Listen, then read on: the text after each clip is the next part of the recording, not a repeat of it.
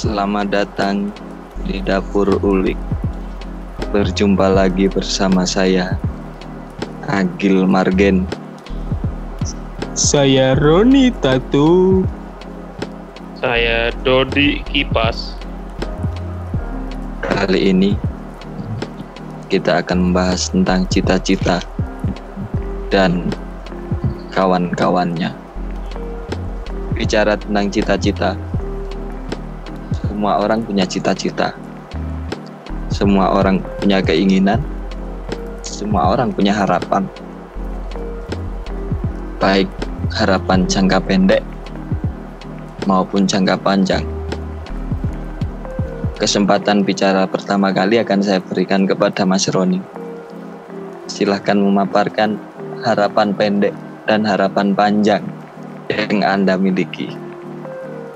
Baik, terima kasih Mas Agil atas kesempatan yang diberikan. Jadi harapan pendek saya adalah saya ingin ya mengajar sejauh ini karena saya sekarang sudah mengajar ya. Saya ingin tetap konsisten mengajar kalau bisa lebih baik lagi dalam mengajar.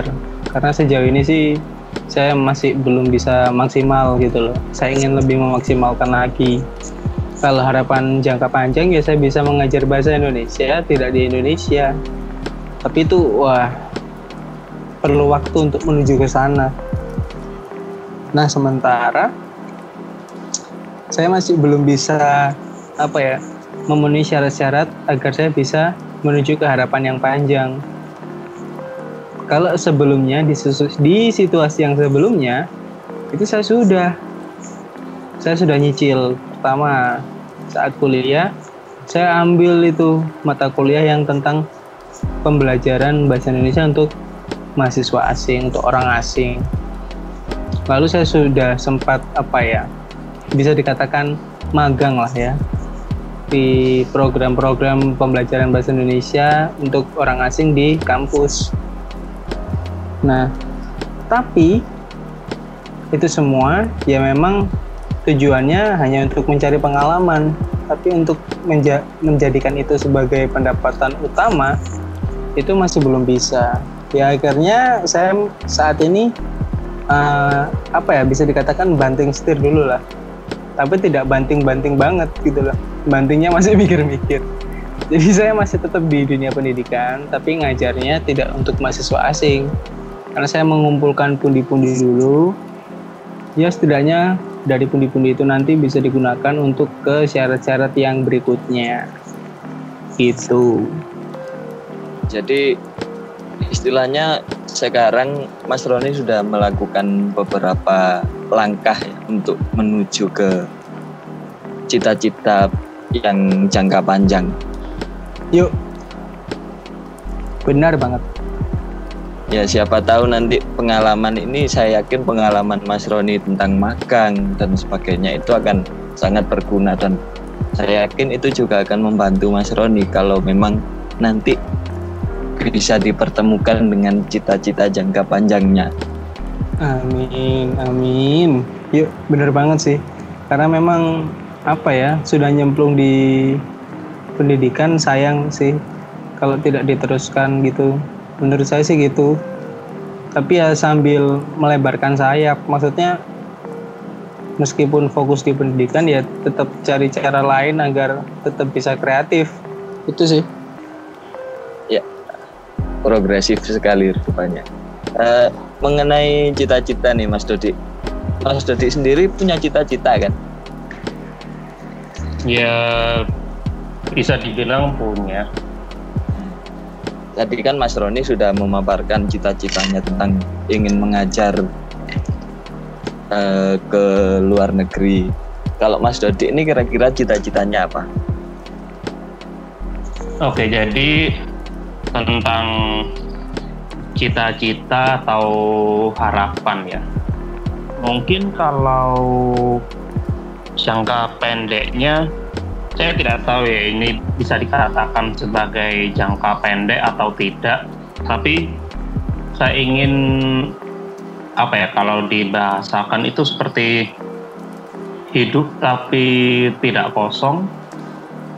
Uh, kalau tentang yang jangka panjangnya sendiri mungkin hampir sama ya dengan apa yang ingin dicapai Roni ya, tapi bukan mendidik uh, mahasiswa asing untuk atau orang asing ya untuk belajar bahasa Indonesia, tapi saya lebih ingin bisa bergelut di bidang pendidikan atau setidaknya berkontribusi. Kasarannya saya ingin menjadi seorang dosen lah tapi untuk menempuh pendidikan sebagai untuk menempuh karir sebagai dosen itu untuk sekarang saya belum mempunyai kualifikasi yang cukup ya baik dari pengetahuannya maupun dari pendidikannya itu sendiri. Mungkin sekarang saya sedang usahakan tapi mungkin cerita sedikit ya.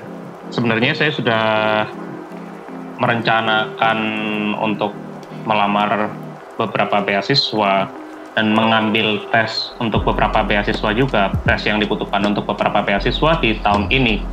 Tapi karena COVID itu beberapa rencana saya itu jadi hancur gitu, terlebih dalam satu tahun ini ya, karena sekarang sudah bisa dikatakan mencapai pertengahan tahun dan saya belum menyiapkan apa-apa untuk itu. Saya ya, jadi ada sedikit kegelisahan gitu. Berarti kan uh, sejauh ini Mas Dodi juga sama seperti Mas Roni sudah mengupayakan langkah-langkah untuk menuju ekspektasi jangka panjang seperti itu ya. Tapi karena yeah. ada hal-hal yang tidak terduga, akhirnya ada beberapa hal juga yang patah. Gitu ya. Iya iya, ada hal yang memang benar-benar di luar kuasa kita gitu. Nah, nah kalau Mas ini... sendiri gimana Mas? Tentang harapan dan ekspektasinya. Nah ini bicara tentang harapan dan ekspektasi saya. Uh, saya kan sejauh ini hidup di kalau bisa dibilang hidup di dunia seni ya meskipun ya seni yang kurang diminati mungkin seni saya sudah hidup di seni peran dan di seni-seni yang lainnya seni sastra. Nah harapan pendek saya adalah uh, mungkin mungkin saya uh, bisa apa kalau bisa dibilang ingin ingin terus eh ingin menghirup seni gitu. Kalau kalau harapan pendek saya saya masih ingin untuk bisa menghirup seni mengenai harapan panjangnya saya ingin tidak hanya menghirup tapi, tapi saya juga ingin untuk menghidupi seni itu sendiri jadi selama ini kan saya masih menikmati masih sebagai penikmat dan mungkin orang iseng di dunia seni. Nah, kalau harapan panjang saya, saya ingin menghidupi seni gitu. Karena uh, saya berkaca di apa berkaca kepada kakek saya. Kakek saya dulu kan juga seorang seniman. Ya saya hmm. bilang uh, beliau ini seniman yang cukup besar, cukup besar bagi saya dan bagi keluarga saya sampai akhirnya saya saya menjadikan kakek saya ini sebagai role model gitu. Kalau kakek saya bisa seperti ini, harusnya saya sebagai cucunya juga bisa. Jadi lebih ingin ke mengejar apa ya? Bukan lebih bukan mengejar ya, tapi seperti meneruskan apa yang diperjuangkan oleh pendahulunya gitu ya, Mas. Iya, bisa dibilang gitu bisa bisa dibilang saya ingin apa me, menyambung nafas. Hmm. kalau saya boleh tahu ini kakek fokusnya seni di seni apa ini? Kakek saya dulu di seni peran sih mas. Uh, hmm. di ludruk. Lebih spesifiknya di ludruk. Saya lebih memilih untuk uh, itu sih lebih belajar lagi di seni peran dan seni sastra karena saya sendiri uh, mengenyam pendidikan sastra dan juga saya uh, pernah sekali dua kali nyemplung di seni peran gitu. Untuk menuju ke sana, apa yang Mas Agil sudah lakukan sejauh ini? Nah, untuk mencapai ke situ, kebetulan uh, lima tahun belakangan ini saya punya kesempatan untuk mengenyam pendidikan di apa di bidang sastra. Meskipun itu di bidang pendidikan ya. Tapi pada pada saat belajar itu saya merasa bahwa oh saya cocoknya di seni sastranya bukan di pendidikannya.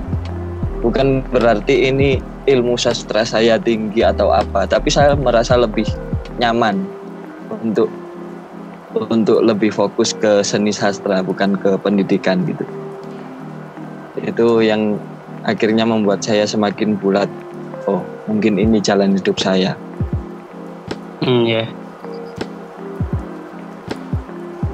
oke tadi kan kita sudah membicarakan harapan jangka pendek dan harapan jangka panjang masing-masing nah hmm. uh, selama selama mengupayakan kedua harapan itu. Kita pasti menemu menemukan apa ya seperti ketakutan-ketakutan gitu apakah benar? Kalau saya sendiri saya sempat bertanya-tanya apakah benar ini memang harapan saya? Ataukah ini hanya ambisi saat? Itu sempat menghantui saya itu itu jelas menjadi ketakutan ya bagi saya bahkan ketakutan kalaupun ini memang uh, harapan saya dan memang ini adalah jalan hidup saya uh, apakah ada titik terang di ujung jalan nanti yang akan saya temui begitu. Nah kalau Mas Roni sendiri uh, uh, punya nggak sih ketakutan-ketakutan yang muncul gitu? Kalau ketakutan tuh pasti ya Mas Agil. Ya kalau boleh mengangkat itu ya dengan situasi yang sekarang sih. Karena kan sekarang saya mengajar untuk anak-anak SMP untuk jenjang SMP nah saya ini masih termasuk orang baru karena saya masih belum satu tahun berada di dunia pendidikan SMP gitu loh. Ya tapi entah mengapa malah banyak orang itu apa ya memberikan tanggung jawab kepada saya yang awalnya hanya ngajar kelas sekarang mulai bertambah. Saya menjadi seorang koordinator sarana dan prasarana sekolah. Yaitu itu menjadi ketakutan gitu loh membuat saya menurut saya sih menjadi apa ya fokusnya jadi buram jadi apa ya memburamkan harapan yang panjang tadi kan. Karena kan sebenarnya saya memilih ini tuh benar-benar melenceng gitu loh dari harapan panjang saya. Tapi ya ini harus dilakukan. Tapi ketakutannya Mas Roni ini bisa dibilang konkret gitu ya karena wujudnya jelas, sumbernya juga jelas. Dan apa yang menjadi kegelisahan itu memang secara langsung diakibatkan oleh faktor eksternal. Hmm, bener banget. Dan untuk apa ya? Saya sendiri juga nggak bisa nolak kan, karena dengan situasi seperti ini ini kontrak kerja dan ada mandat lain yang harus dilakukan ya harus jalan tapi ini saya jadi ingin melempar pertanyaan kalau menurut Mas Dodi dan Mas Agil nih ketika dihadapkan dengan situasi seperti itu apakah Mas Dodi dan Mas Agil menganggap itu menjadi apa ya menjadi sesuatu hal yang memburamkan harapan panjang Mas Agil dan Mas Dodi? Kalau saya gini Mas, kalau dari sudut pandang saya ya, hmm. anggap saja saya nggak bisa menolak perintah itu gitu. Akhirnya kan mau tidak mau saya harus melakukan itu ini saya memandangnya sebagai salah satu tempaan. Tempaan di sini satu hal yang positif bagi saya. Karena apa? Karena saya memiliki harapan panjang yang saya yakin itu lebih membutuhkan apa kemampuan yang lebih besar dari kemampuan saya sekarang. Nah, dengan tempaan-tempaan ini akan akan malah menjadikan saya menjadikan saya lebih kuat gitu. Saya lebih memiliki kemampuan untuk nanti kalau memang saya mencapai harapan panjang itu saya bisa benar-benar sudah kompeten seperti itu Mas Roni. Kalau saya saya memilih untuk melihat konteksnya terlebih dahulu di mana katakanlah yang pertama seberapa banyak tugas-tugas tambahan itu mendistraksi saya dari pengalaman mengajar yang ingin saya terus asah di selama berada di instansi ini, di instansinya Mas Roni itu. Katakanlah kalau dengan kewajiban itu saya jadi tidak bisa fokus dengan bidang yang saya geluti karena mungkin beban kerjanya yang terlalu banyak atau tugasnya yang memang sangat jauh menyimpang dari apa yang saya kerjakan maka saya akan menganggap itu sebagai gangguan ya. Tetapi untuk uh, sisi positifnya saya setuju dengan Mas Hakim tadi kalau hal ini bisa menjadi sebuah tempaan gitu Oke, sebelumnya saya ucapkan terima kasih ya kepada Mas Dodi dan Mas Agil. Kalau menurut saya memang ya saya juga sependapat dengan yang dikatakan Mas Agil ya. Ini merupakan apa ya tempaan untuk diri kita ya. Nah tadi Mas Dodi juga juga bisa dikatakan sependapat ya dengan saya dan Mas Agil kalau dilihat dari tempaan itu sendiri. Tapi yang hal negatif itu juga Ya benar juga. Nah, tadi kan kalau Mas Roni kan kebanyakan nih ketakutannya dari dari luar ya muncul dari luar dari beban yang ditanggung Mas Roni saat ini. Hmm. Kalau Mas Dodi sendiri nih, Mas Dodi sendiri kira-kira ngalamin juga nggak sih, merasakan juga nggak sih ketakutan-ketakutan tentang harapannya? Iya, seperti yang tadi sedikit saya ini ya saya sebutkan kalau memang bahkan di keadaan sekarang pun saya merasa kalau saya gelisah mulai mulai gelisah dengan ekspektasi atau angan-angan saya untuk masa depan. Kalau berbicara faktornya mungkin kalau Roni faktornya adalah faktor yang konkret ya yang berasal dari luar.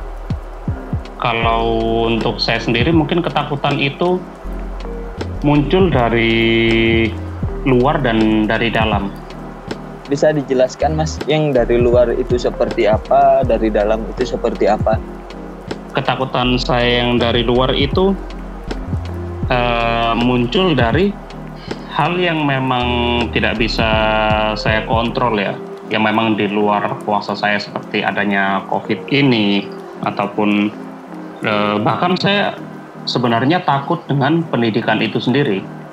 Bukan saya takut untuk mendidik, tapi saya takut dengan sistem pendidikan yang ada sekarang dan mungkin di masa depan. Saya saya bisa sedikit membayangkan atau berangan-angan tentang sistem ini sendiri ya yang memang kurang bersahabat dengan apa yang saya anggap sebagai suatu sistem yang ideal.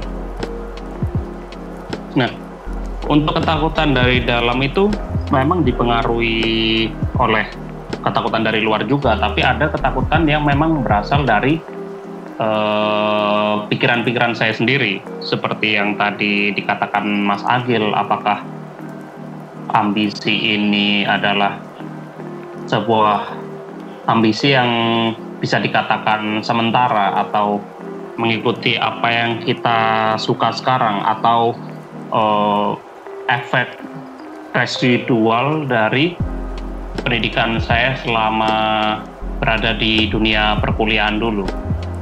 Saya merasa bahwa saya bukanlah individu yang pantas ya atau yang yang bisa menjadi pembimbing dari peserta didik saya kemudian.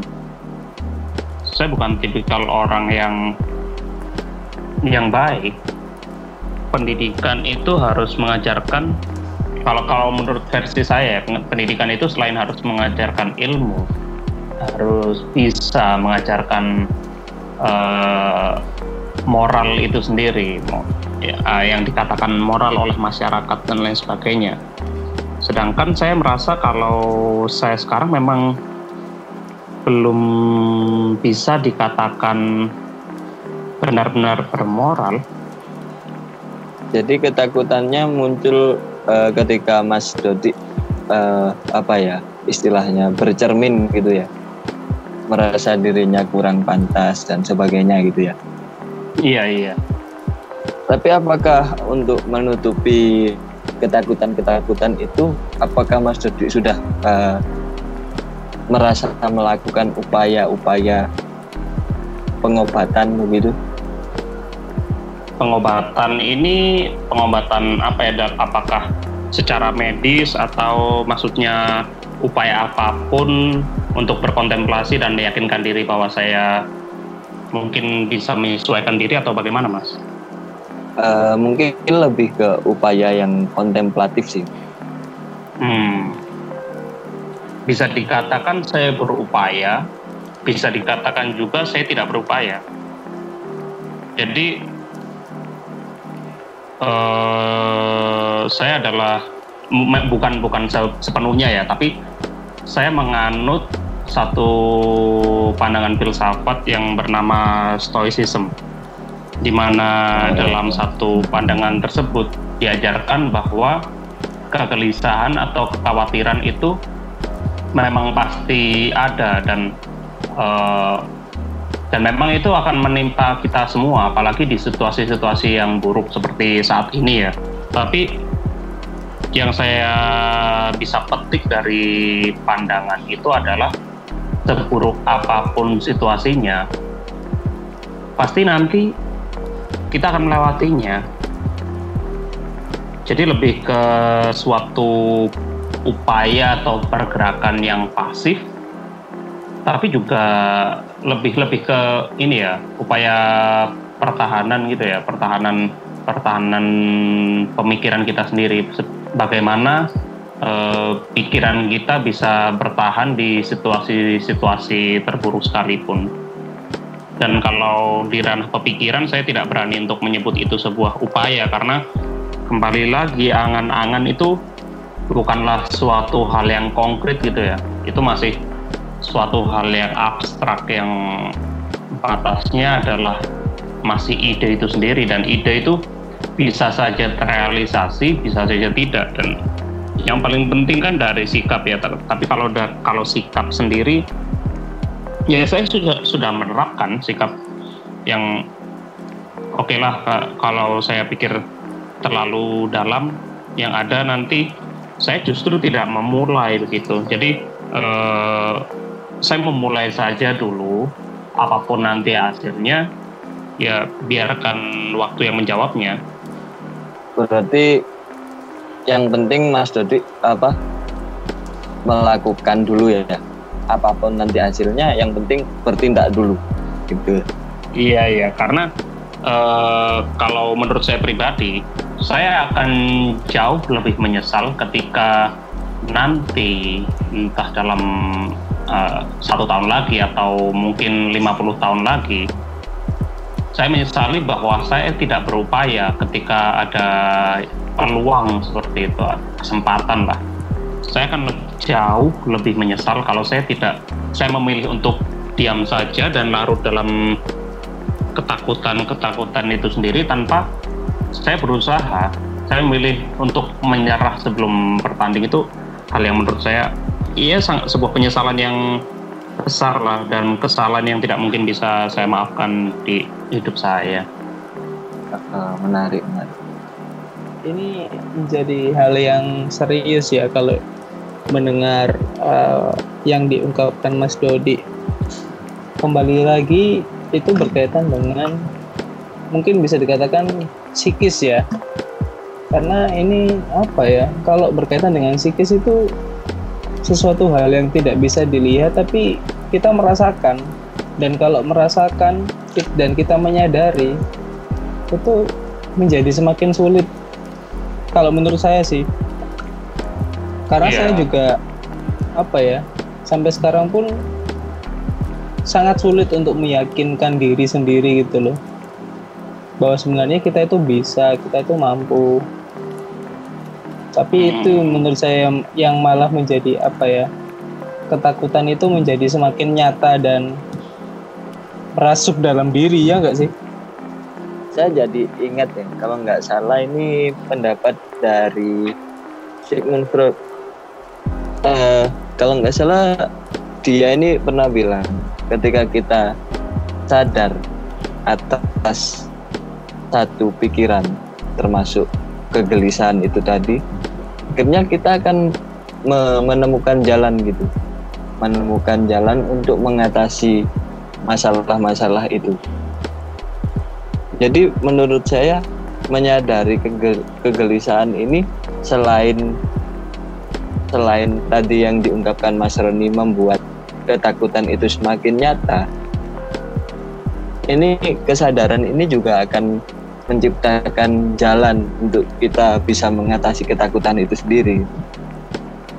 Nah, ini jadi timbul pertanyaan baru.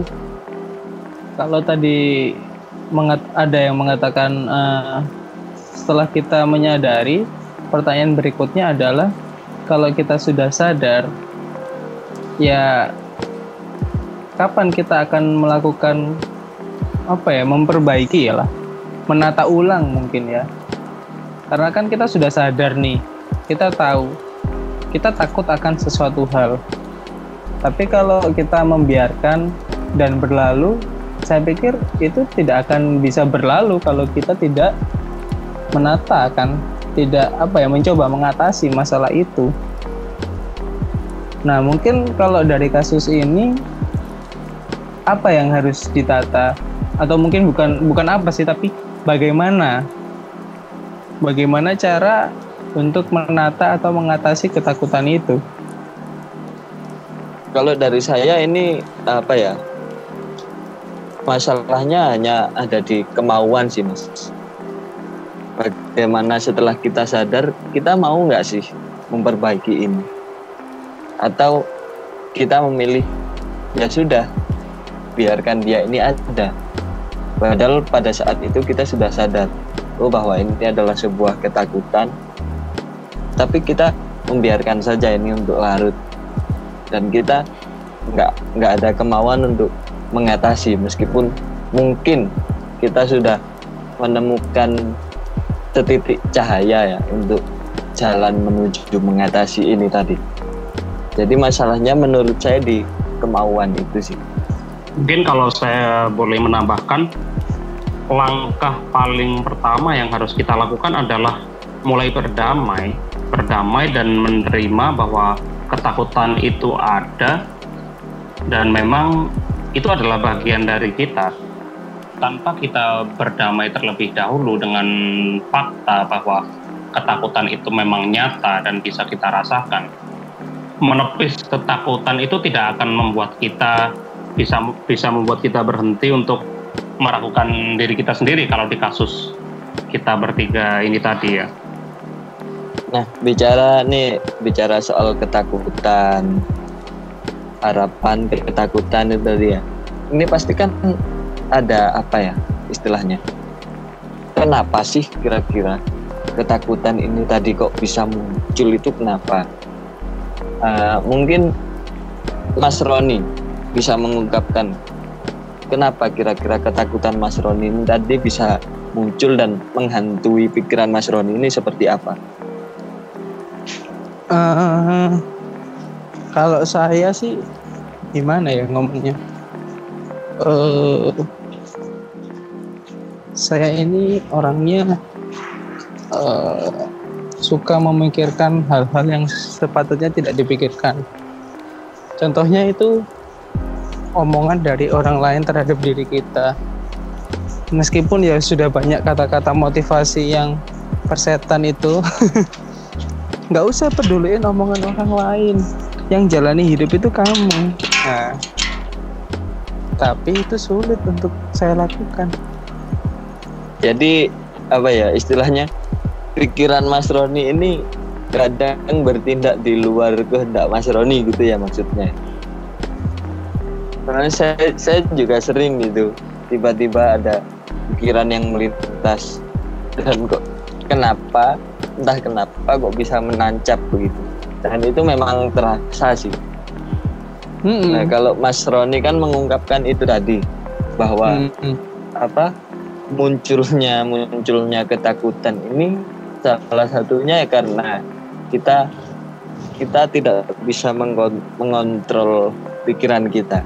Kalau menurut Mas Dodi sendiri, kira-kira apa sih sebab dari uh, kemunculan ketakutan ini? Menurut saya pribadi, ketakutan itu muncul karena adanya harapan. Harapan itu seperti pisau bermata dua. Bahwa di satu sisi harapan itu bisa membuat kita untuk termotivasi atau tergerak atau terinspirasi apa pun lah itu istilahnya. Tapi di sisi lainnya pasti timbul juga kontra argumen bahwa bagaimana kalau kita ternyata tidak bisa mencapai ini bagaimana kalau kita tidak bisa menjadi versi diri kita yang kita bayangkan di kemudian hari.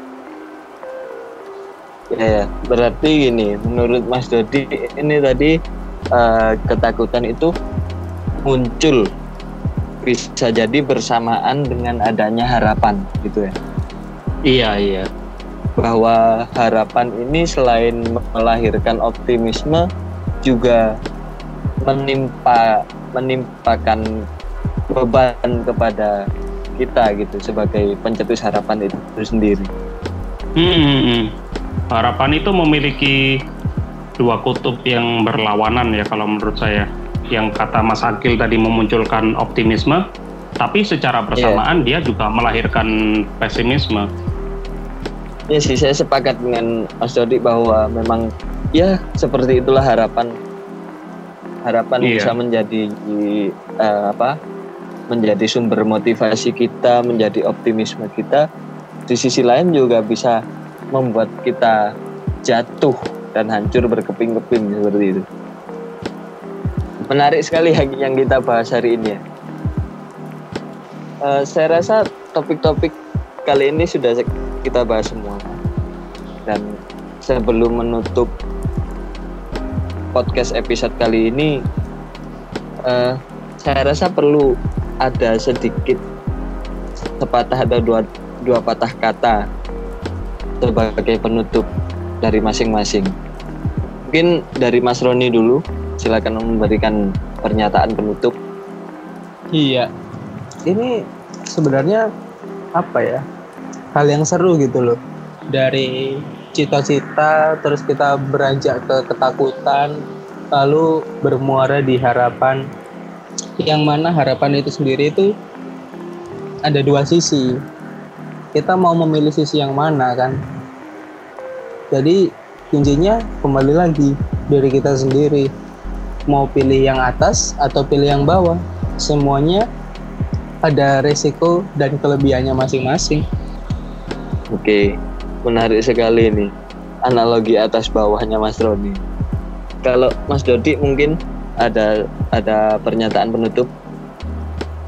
Uh, saya bisa mengatakan kalau saya benar-benar mengapresiasi Mas Roni dan Mas Agil ataupun pendengar mungkin ya yang mempunyai ekspektasi atau pandangan di masa depan uh, harus seperti apa.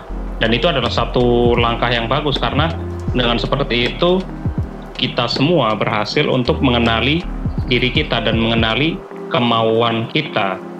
Tapi jangan juga lupakan bahwa kita harus mengenali sisi buruk dari harapan atau ekspektasi itu tadi agar kita bisa berdamai dan menerima uh, berbagai kemungkinan atau faktor-faktor yang ada di sekitar kita baik secara baik dari internal maupun eksternal. Kalau Mas Agil sendiri bagaimana Mas? Kalau uh, saya ya uh, di di samping apa kelebihan dan kekurangan harapan tadi bahwa harapan bisa menimbulkan optimisme dan pesimisme secara bersamaan. Uh, saya hanya ingin menekankan sih ini mungkin pesan sih sebuah pesan bahwa meskipun harapan memiliki dua dua mata pisau yang berlawanan jangan membuat ini tadi dua pisau dua mata pisau ini membuat kita takut untuk memiliki harapan. Gitu karena menurut saya ketika manusia berhenti berharap bagi saya dia sudah mati. Mungkin itu dari saya. Oke, karena obrolan kita kali ini sudah selesai,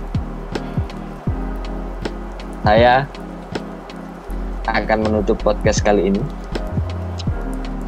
Oke, saya Akil. Saya Roni Tato. Saya Dodi Dolby.